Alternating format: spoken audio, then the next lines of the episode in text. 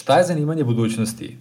Pa, verovatno zavisi koga pitate, ali među mladima, posebno članovima generacije Z, koji su rođeni nakon 1996. sve više njih želi da provede svoju karijeru radeći na rešavanju problema životne sredine i klimatskih promena. Brojne istraživanja sprovedene u zapadnom svetu jasno zabeležavaju rast interesovanja za upravo te zelene karijere – A interesantno je i da se mladi odlučuju za ovaj put ne samo zato što žele da doprinesu rešavanju velikih globalnih izazova, već i zato što prepoznaju da su to karijere od kojih može lepo da se živi. Kako na globalnom nivou sve više ljudi prepoznaje značaj borbe protiv klimatskih promena, tako rasti i pritisak i na korporacije i na države da pronađu rešenja za ovaj problem. A to znači puno posla za sve koji žele da doprinesu. Ne znamo koliko mladih u Srbiji po ovom pitanju razmišlja isto kao vršnjaci iz zapadnih zemalja, ali znamo da i u našoj zemlji već ima mnogo onih koji svoje vreme i trud upravo posvećuju ovoj svrsi. Zato mi je veliko zadovoljstvo što ću sad imati prilike da vam predstavim tri mlade dame, koje svaka u svojoj oblasti rade na tome da ova planeta bude bolje mesto za život. Dobrodošli u Klima 101 podcast. Ja sam vaš domaćin, Nemanja Milović.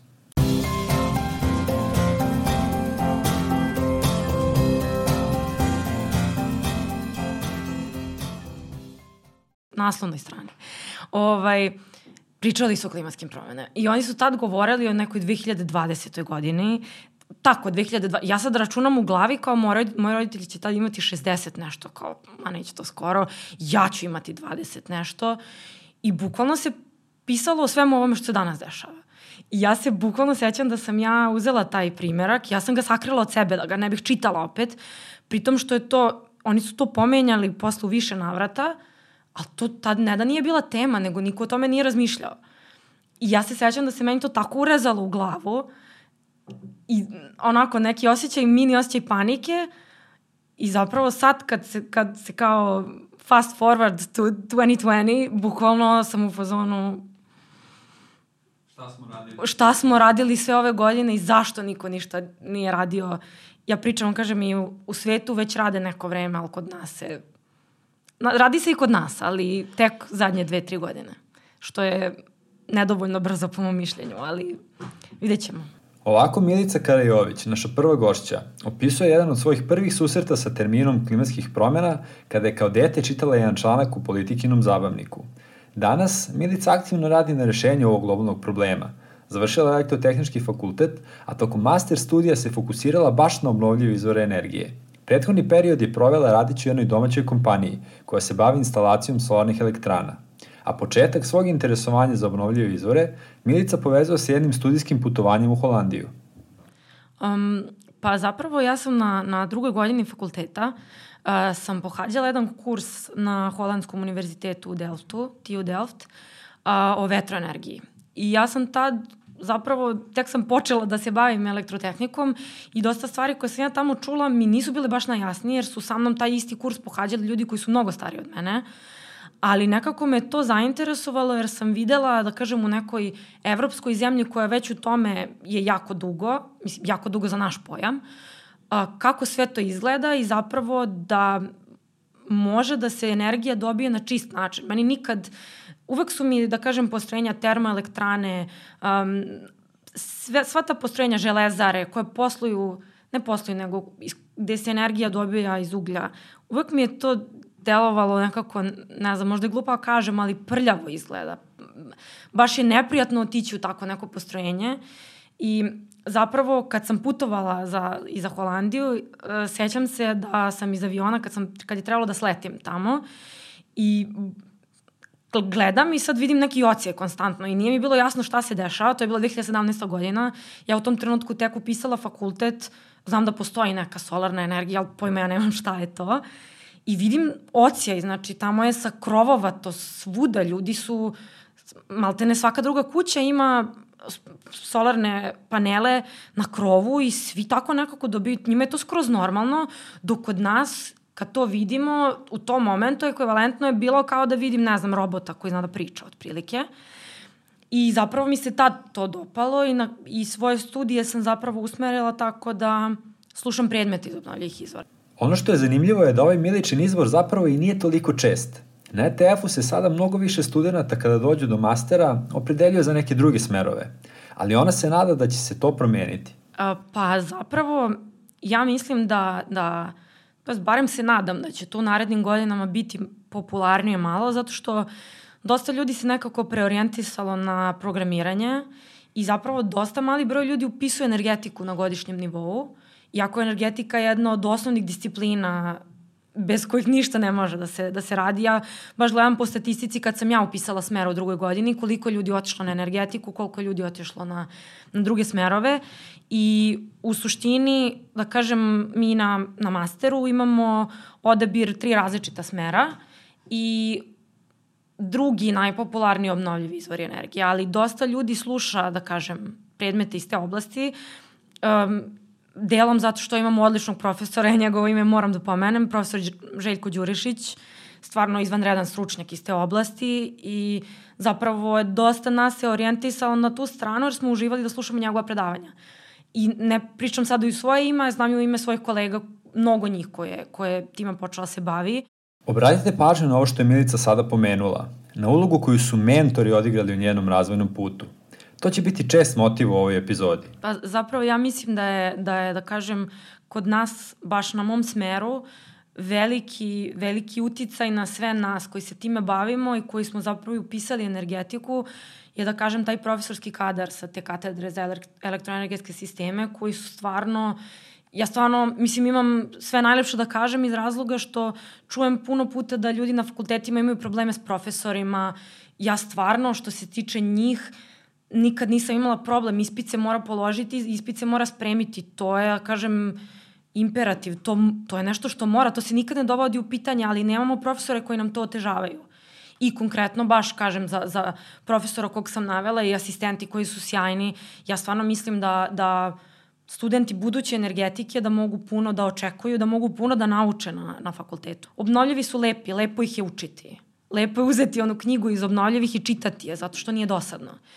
I, ovaj, I zapravo, da kažem, ja to uvek pričam i nadam se da sam u pravu zapravo, da ja mislim da će za jedno 5 do 10 godina uh, obnovljivi izvori energije i ta sfera generalno biti traženija i plaćenija nego programiranje, zato što se mi intenzivno onako krećemo u tom smeru da je to neophodno. I zapravo fali ljudi da se time bavi. I onog momenta kad više ljudi shvati da je to put kojim je pametno ići, jer postoje ljudi uvek koji se, da kažem, koji biraju sferu posla iz interesa, što je normalno, kad ljudi budu shvatili da i tu ima posla, da i tu ima zarade, da, i tu, da je to lepo raditi, da je lepo od toga živeti, uh, ja verujem da će se to promeniti. Stvarno, nije sad da pričam baš zbog, kao što sam ovde pa da to kažem, ja to pričam od, recimo, od pre dve godine. Kako sam se zaposlila i zaista mislim da će tako biti. Veoma mi je drago što je Milica otvorila ovu temu. U razgovoru sa prijateljima i kolegama često ističem da sam u poslednjih godinu i po dana postao mnogo optimističniji po pitanju izgleda čovečanstva da uspešno reši izazov klimatskih promena. A jedan od glavnih razloga je neverovatan razvoj na tržištu obnovljivih izvora energije. Na globalnom nivou to je jasno već neko vreme, a sada je taj trend postao toliko jak da je jasno vidljiv čak i u Srbiji, iako je naša zemlja još uvek na samom početku svog puta ka energetskoj tranziciji. Baš o tome da postane deo ekosistema koji tek počinje da se razvija, je Milica videla i svoju šansu za razvoj karijere. Još uvek fali, da kažem, investicije u Srbiji, mada evo u zadnjih godinu dana se mnogo promenila situacija i zapravo mogu da kažem da sam ja uzela da se bavim nečim drugim, da sam uzela da se bavim projektovanjem ili tako nekim stvarima koje su isto lepe, samo nisu konkretno obnovljivi u Srbiji, da bih verovatno više bila, da kažem, više bih profitirala, eto tako da to nazovemo.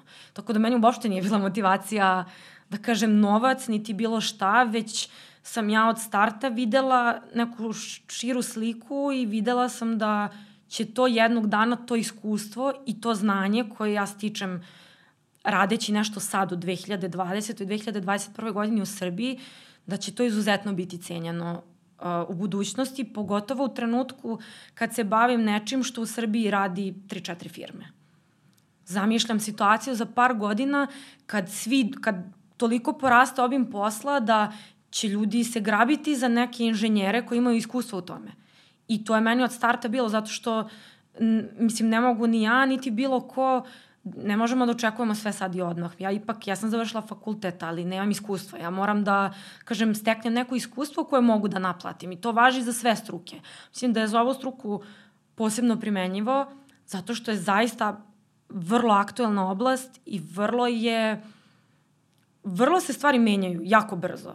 I zapravo ja mislim da smo sad u nekoj fazi gde se mnogo ljudi upoznaje s tim, pogotovo e, što je, da kažem, novi zakon stupio na snagu nedavno, pre par meseci, još uvek se čekaju neki podzakonski akti da se usvoje da bi zakon mogu da se primenjuje, ali taj zakon je nešto što se godinama čekalo u Srbiji. I zapravo i te subvencije od države koje se dobijaju i otpisi investicija i sve to mnogo znači, a pritom cena, da kažem, solara pada. Iako, da kažem, u zadnje vreme malo skaču cene sirovina, ovaj, u celom svetu, cene solara su generalno pale i zaista se isplati ulagati u tako nešto i samo mislim da treba narod više edukovati. Jer u jednom momentu će biti toliko ljudi koji hoće to da rade, ali neće biti dovoljno inženjera i ljudi koji će fizički da odrade taj posao. I mislim da smo već na pragu nekom da se to desi. To je barem nakon moje iskustva. Iako vrlo mlada, Milica već ima zavidno iskustvo. Čak je projektovali u tom trenutku najveću solarnu elektranu na krovu u našoj zemlji. A što se tiče, da kažem, mog iskustva u Srbiji, ja sad ne znam iskreno tačnu računicu, mislim da sam ja pustila preko 2 megavata u, u solaru. Ovaj, um, moj projekat je zapravo bio um, elektrana u Subotici od 1,1 megavat. To je najveća elektrana na krovu ovaj, objekta u Srbiji trenutno. I da kažem, taj projekat je trajao par meseci i ima preko 3000 fotonaponskih panela na, na krovovima.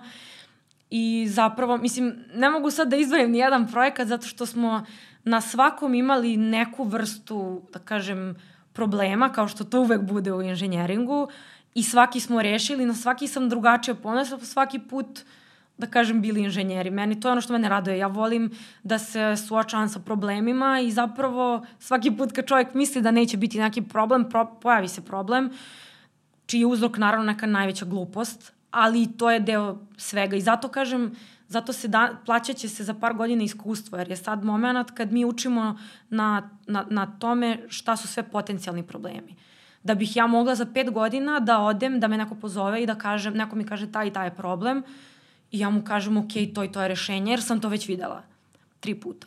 U svakom slučaju, u Srbiji je, ja mislim, preko 20 megavata u solaru. To je zapravo malo, u odnosu na ostale zemlje u Evropi, ali dobro, krećemo se, da kažem, u pozitivnom smeru. Rešavanje kompleksnih problema je naravno omiljeni deo posla svih inženjera, a još jedan plus pri ovakvom izboru karijere su i pozitivne reakcije okoline. Zapravo su reakcije jako pozitivne i mene to raduje. Mislim, na neki način imam i validaciju spoljašnje okoline da je nešto što radim dobro, iako ja znam da je nešto što radim dobro, jer uh, čitam o tome zadnjih deset godina i znam koliki je problem sve što se dešava i znam da moramo nešto da radimo po tom pitanju što pre. Informacija sa terena i perspektiva koju Milica ima mogu da budu ohrabrenje za sve nas da su stvari u Srbiji konačno počele da se menjaju. A siguran sam da tu pomaže i veliki broj mladih ljudi poput nje, koji u ovu oblast ulaze sa motivom da doprinesu tome da konačno počnemo da proizvodimo čistu energiju i da se uhvatimo u koštac sa klimatskim promenama.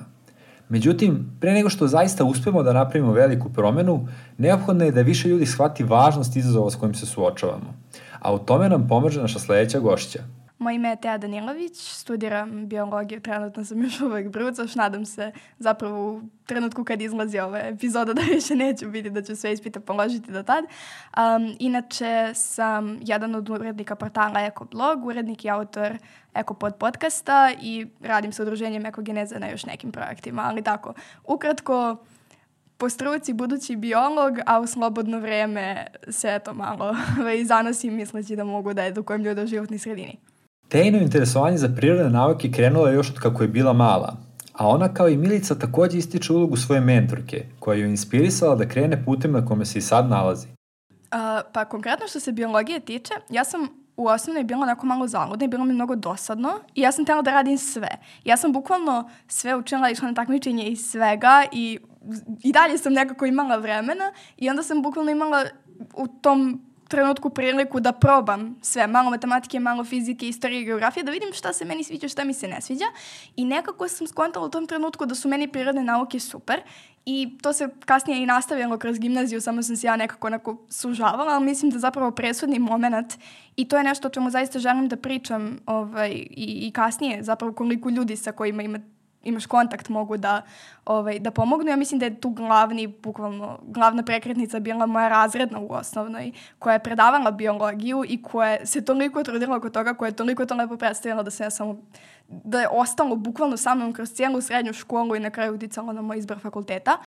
Svoje znanje iz biologije i prirodnih nauka Teja je od uvek žela da nesebično deli sa ostalima, a da se zaista ostvari u toj ulozi pomogla je fantastična ekipa sa ekobloga – A što se konkretno ekobloga tiče, mislim, pošto sam ja prvo došla da pišem za ekoblog i dalje povremeno pišem, a da sad imam manje vremena, uh, to se zapravo opet desilo tako što je meni bilo dosadno i ja sam za, našla na Instagramu da kao traže ljude za, za, za blog i tu sam se prijavila čisto da vidim šta je, jer sam imala malo viška slobodnog vremena i bila kao, koji si fakultet? A ja u tom trenutku treći sred, jer ako nema veze, ajde da probam, ovaj, pošto sam tako na par mesta probala i ako traže studente i prime oni mene.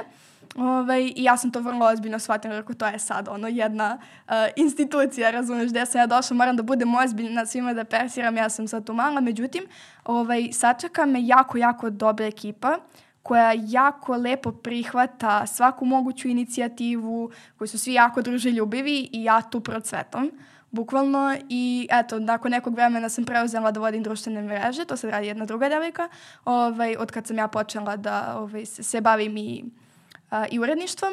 E sad, konkretno za podcast, kako smo došli zapravo do toga, uh, početak 2020. dok smo još imali kao približno normalan život, padne meni na pamet da radim podcast. Jer sam se ja u tom trenutku navukla na neke podcaste i to je meni bilo mnogo zabavno. Jer ako sad ću ja taman to da radim, ne volim ono pred kamerom da budem, a volim da pričam i taman. I ovaj, kažem ja Dragoslavi koja je počela da vodi podcast sa mnom, rekao, ajmo mi molim te pravimo podcast. Kaže ona meni, ko će to da sluša? Rekao, ma ima, neko će da sluša, nema veze, makar slušale babe i dede, nije bitno, slušat će neko.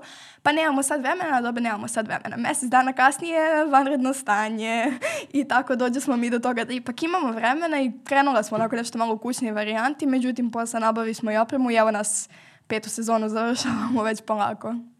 Ono što je meni glavni utisak kod Ekopoda je to sa kakvom pažnjom pristupaju svakoj temi koju obrađuju. Nisu tu samo da daju lake odgovore koje publika možda očekuje, već iz različitih uglova osvetljavaju problem kako bi slušalci mogli bolje da ga razumeju. I za blog i za podcast mi generalno imamo um, taj određeni standard, a to je ajmo da vidimo šta se sve zna. Jer kao, izneti jednu stranu nije dosta. Ono, opet ako ćemo da, da pričamo o pčelama. Ok, možemo na, početak da, na početku da pričamo o medonosnim pčelama, jer je to ono što je poznato, ali ajmo posle da se okrenemo i u narednoj epizodi da pričamo i o divljim pčelama kojima se ne posvećuje dovoljno pažnje. Uh, ne znam, opet ako govorimo o organskoj hrani, šta su prednosti organske hrane, šta su mane organske hrane. Na kraju uporedimo ovaj, to sa konvencionalnom proizvodnjom i vidimo gde jedno ima prednost, gde drugo ima prednost i da li je zaista jedna stvar bolja od druge. I svim tim temama se mi nekako bavimo ne u cilju da pronađemo neki konkretan odgovor, nego da opet imamo u vidu da nije to tako jednostavno. Nije uvek organska hrana bolja i nije uvek normalno proizvedena hrana bolja. Mislim, normalno, uobičajeno proizvedena hrana bolja. Uh, ne, i naravno tu su i ono problemi kako sad da objasnimo nekome da ne znam vakcine nisu loše ili um, da GMO nije strašna stvar koja će da učini da vaš paradajz ima zube i da vas pojede. Znači prosto ne, neke stvari treba krenuti od početka i objasniti, ok, šta uopšte znači termin kojim se mi bavimo. Mislim da je to generalno eko pod, meni bar skontala sam da u poslednjih a, nekoliko meseci služi kao rečnik. Ajmo da vidimo pre nego što krenemo da pričamo o tome kako nam RNK menja gene kada se vakcinišemo, ajde da vidimo šta je RNK.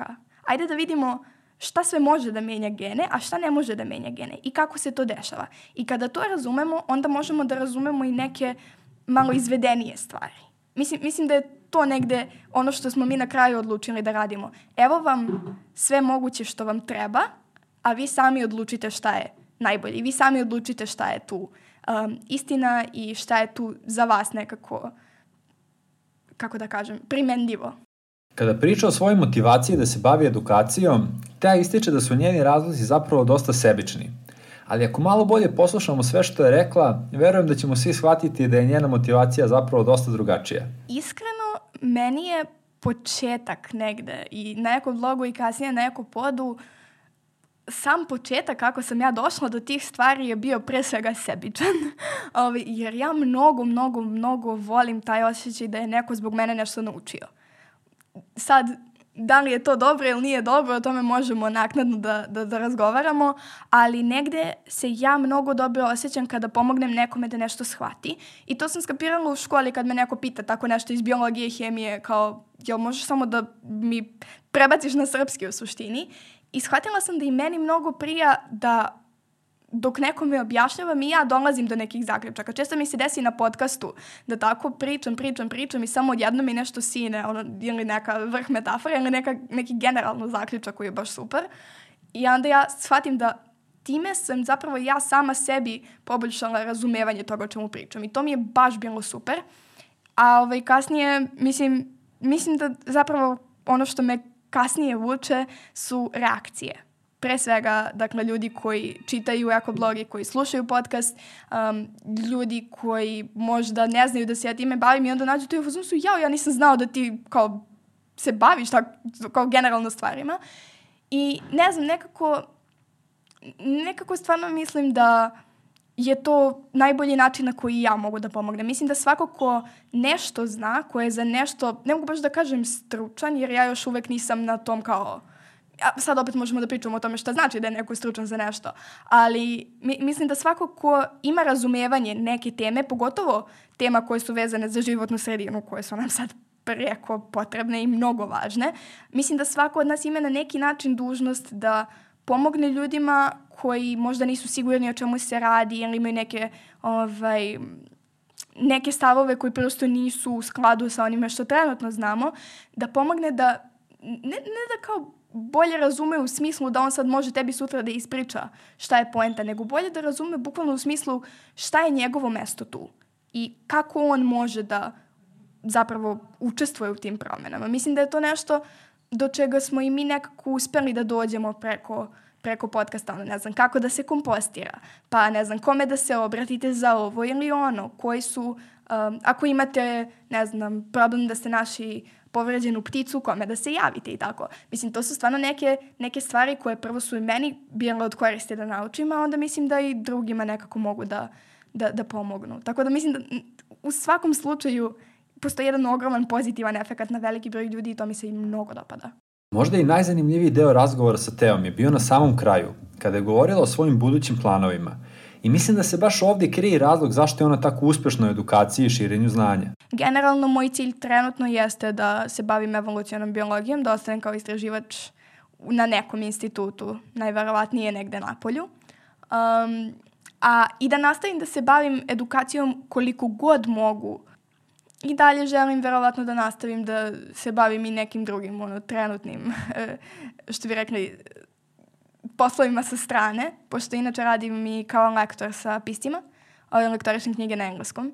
Tako da ono, to, mi je, to, to mi je trenutno zapravo glavni, izhod, eh, glavni izvor prihoda, jer sve što radim za Ekoblog, Ekopod, radim volonterski i verovatno ću raditi volonterski ono, do, dokle god radim i ne predstavlja mi problem zapravo zato što mi je to nešto što radim bukvalno za dušu. Ne, ne znam kako drugačije to da objasnim. Ovaj, ne znam, ne osjećam se kao da radim. Kad pišem tekst, ne osjećam se kao da radim. Kad pregledam tekst, ne osjećam se kao da radim. I to je nešto što želim da zadržim u životu. Taj moment radiš nešto produktivno i nešto dobro, a ne radiš to zbog svoje koristi kao materijalne bilo kakve. I kao da, ok, želim da imam posao naravno i da kao živim od nečega i da imam šta da jedem, ali želim da ipak ovo što, što, što radim ovaj, na, na edukaciji ne bude nešto o čemu ću ja sutra budem uzman, ja moram da ostanem ujutro da radim. Rekao sam da razlozi nisu sebični, ali šal na stranu, osjećaj da radi nešto korisno za zajednicu je nešto što sam čuo od sve tri gošće, a opet svako od njih ovo pitanje posmatra na nešto drugačiji način – što me podsjeća na priču iz treće epizode podcasta, kada sam sa Miljom i Anđelom upravo razgovarao o tome da svako od nas može da da svoj doprinos borbi protiv klimatskih promjena i da će to najbolje uraditi upravo prateći svoje interesovanja. Naša poslednja gošća za danas je dosta razmišljala o tome na koji način najbolje može da doprinese izgradnji jednog pravednijeg sveta, a njen put do odgovora nije bio baš konvencionalan. Ja se nisam inicijalno fokusirala na klimatske nauke. Fizika kojom sam se bavila je bila uglavnom teorijska kvantna fizika, znači nije imala veze toliko sa atmosferskom fizikom. Uh, međutim, rano sam na studijama krenula da se bavim klimatskim aktivizmom. Uh, tako da je negde moj početak u domenu klimatskih promena. Uh, rani dani su bili aktivistički, a ne, ne naučni. I negde iz toga je proizišlo moje interesovanje za to kako ja i u svom akademskom životu mogu da se fokusiram na probleme u životnoj sredini. Generalno, mislim da su okolišni ekološki problemi a, koristan način da se sagledavaju širi društveni problemi. To me uvek interesovalo, a sa svojim, sa svojim akademskom pozadinom sam onda mogla da se nekako aktivnije uključim u izučavanje klimatskih promjena i rešenja. Ovo je Sofija Stefanović, Trenutno je na doktorskim studijama na Cambridgeu i bavi se primjenom veštačke inteligencije u rizicima životne sredine. Negde mislim da je iza te odluke da se m, bavim klimatskim istraživanjima stoji to da sam promenila način na koji sagledavam svoje akademsk, svoj akademski angažman. A, u, na osnovnim studijama i rano na osnovnim studijama sam više razmišljala iz perspektive da mi je teorijska fizika ne samo zanimljiva, fascinantna i matematika, da je, volim da ih radim, već i da je taj ljudski faktor izuzet iz njih. Uh, mene od uvek interesovao politika, društvene nauke i tako to, ali nekako u tim ranim danima nisam žela mnogo da im prilazim blizu. Nego sam žela da se držim podalje od toga i da pratim šta se dešava u društvu i da se bavim aktivizmom, ali ne u svom akademskom životu da se bavim time.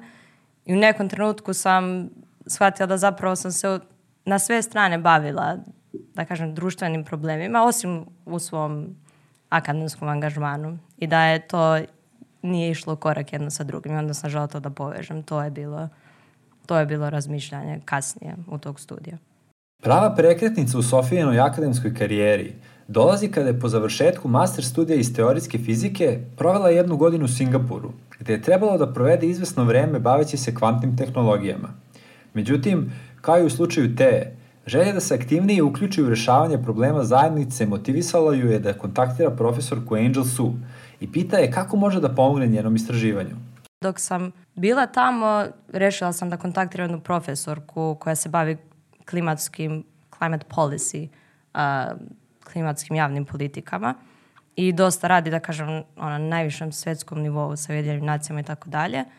Angel Su se zove i da je pitam da li bi mogli dok smo drugi ja bili tamo da se da radimo sa njima na nekom projektu.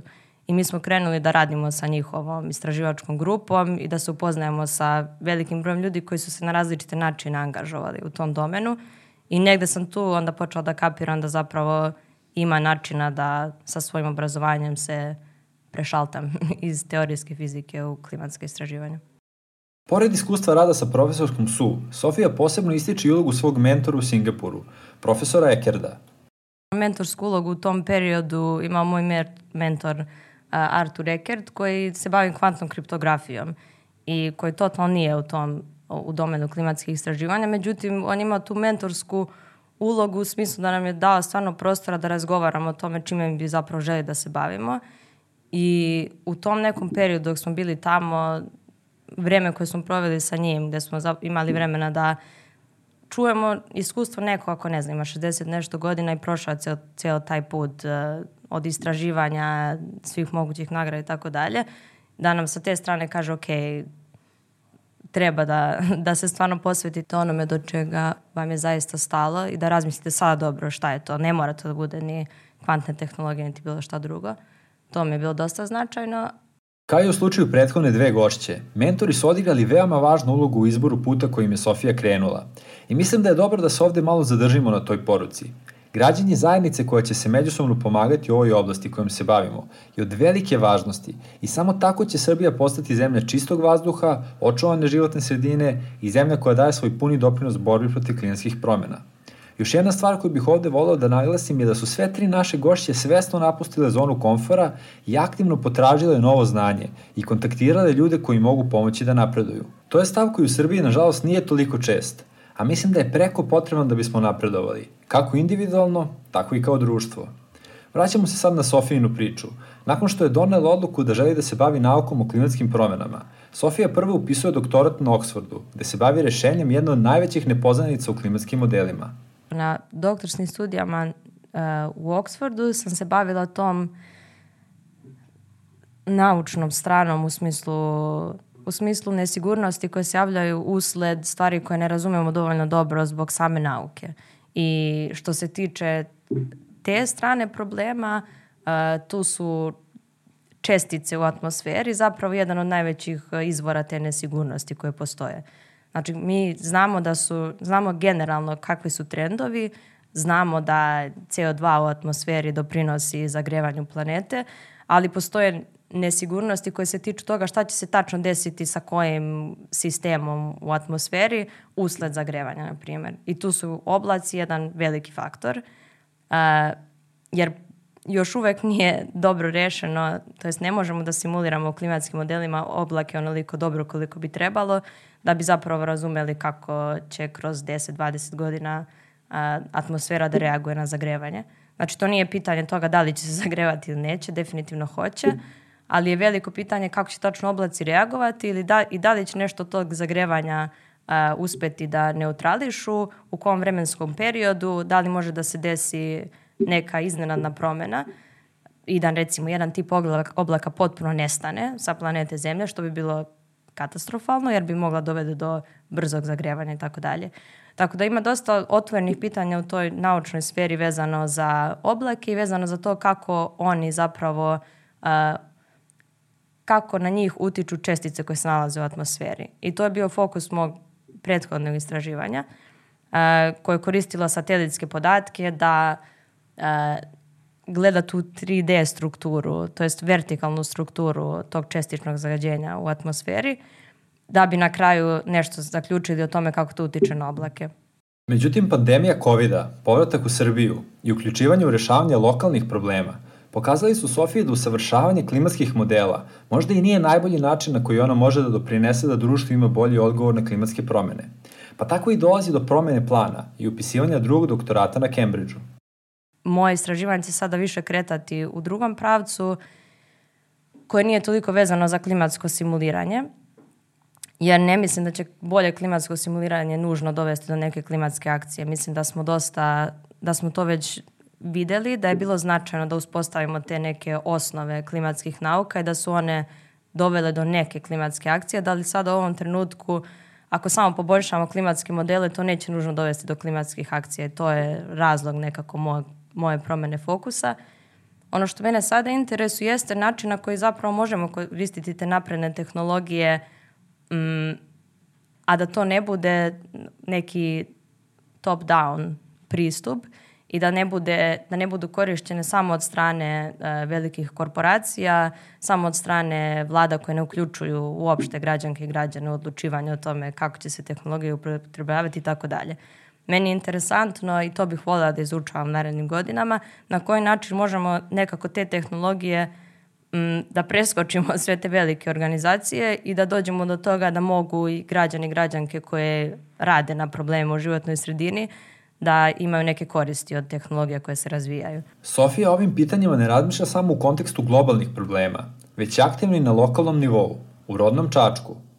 Ipak mi se jeste promenio pristup u smislu da u poslednje vreme sam počela više da se bavim, da kažem, lokalnim aktivizmom u Čačku, a, odakle i jesam, nego što je to bio slučaj pre nekoliko godina. I to je bila jedna od posledica prošle godine i zadržavanja u Srbiji od nekoliko meseci, koje nije bilo planirano, očekivano, međutim, to je barem bila jedna sreća u nesreći.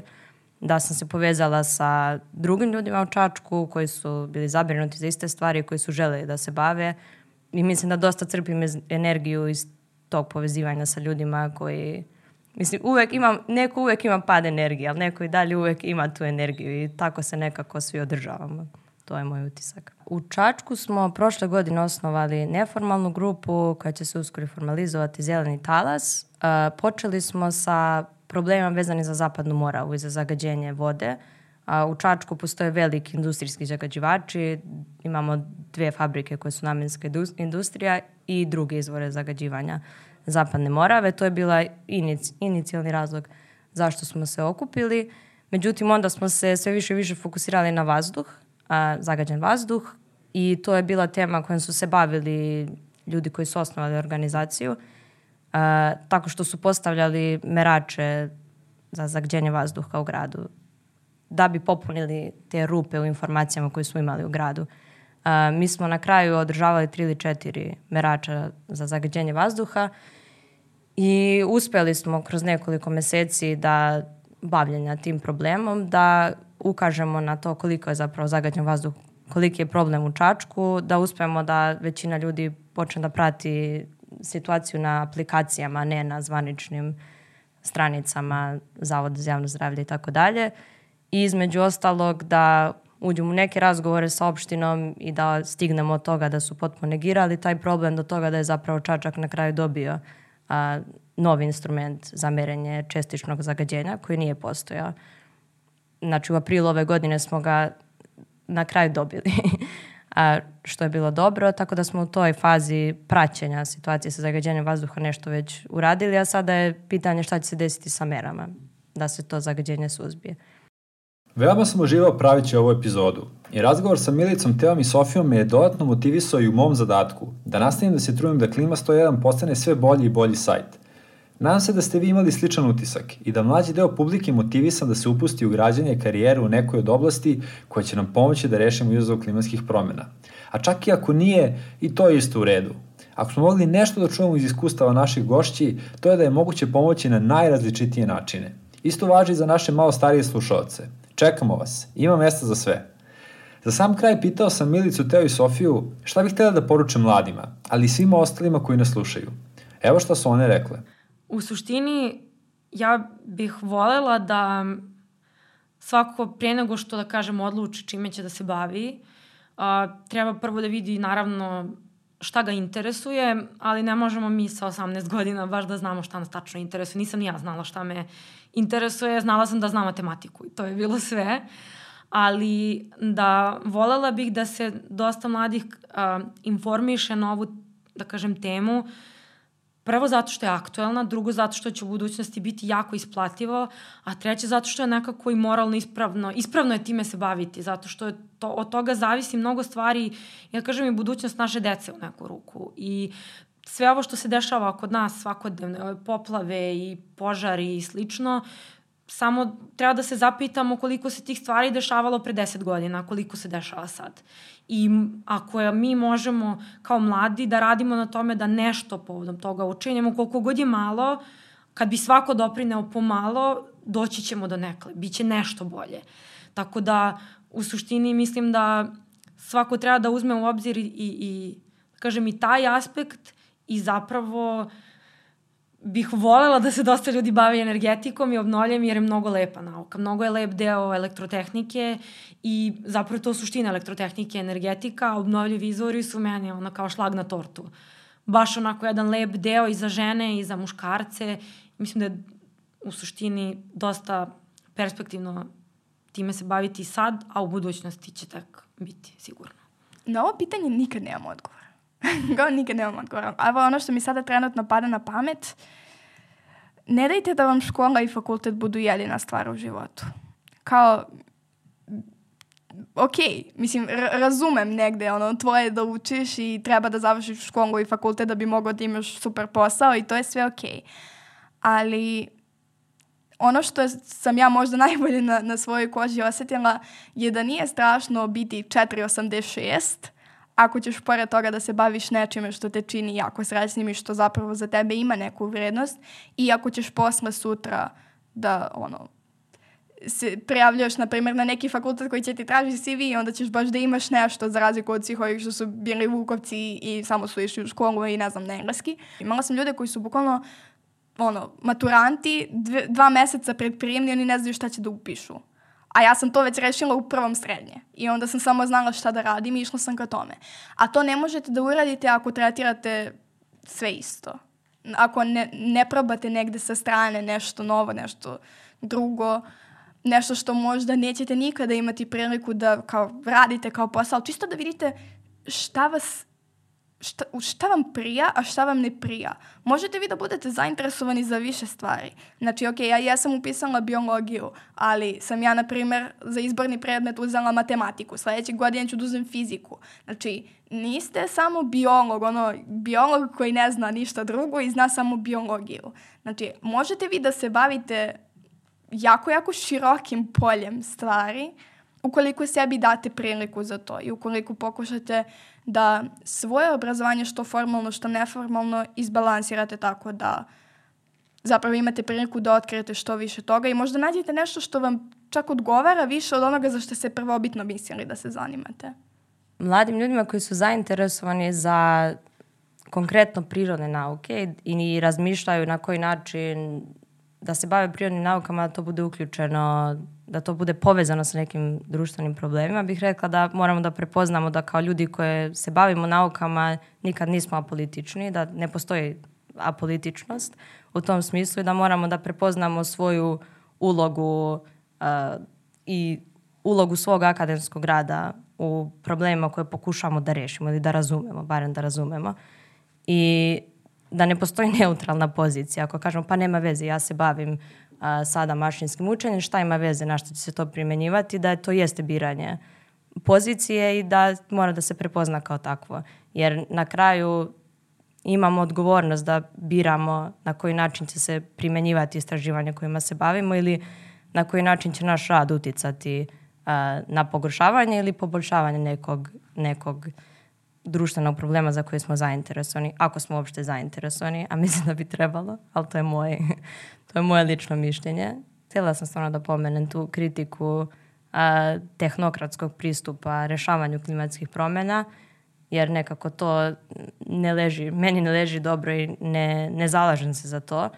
I imala sam priliku konkretno u skorije vreme na Oxfordu da provedem dosta vremena online sa naučnicima koji izučavaju klimatske promene već decenijama, neki od njih koji su započeli svoje discipline, bukvalno možda i bili stvarno pioniri u svojim disciplinama.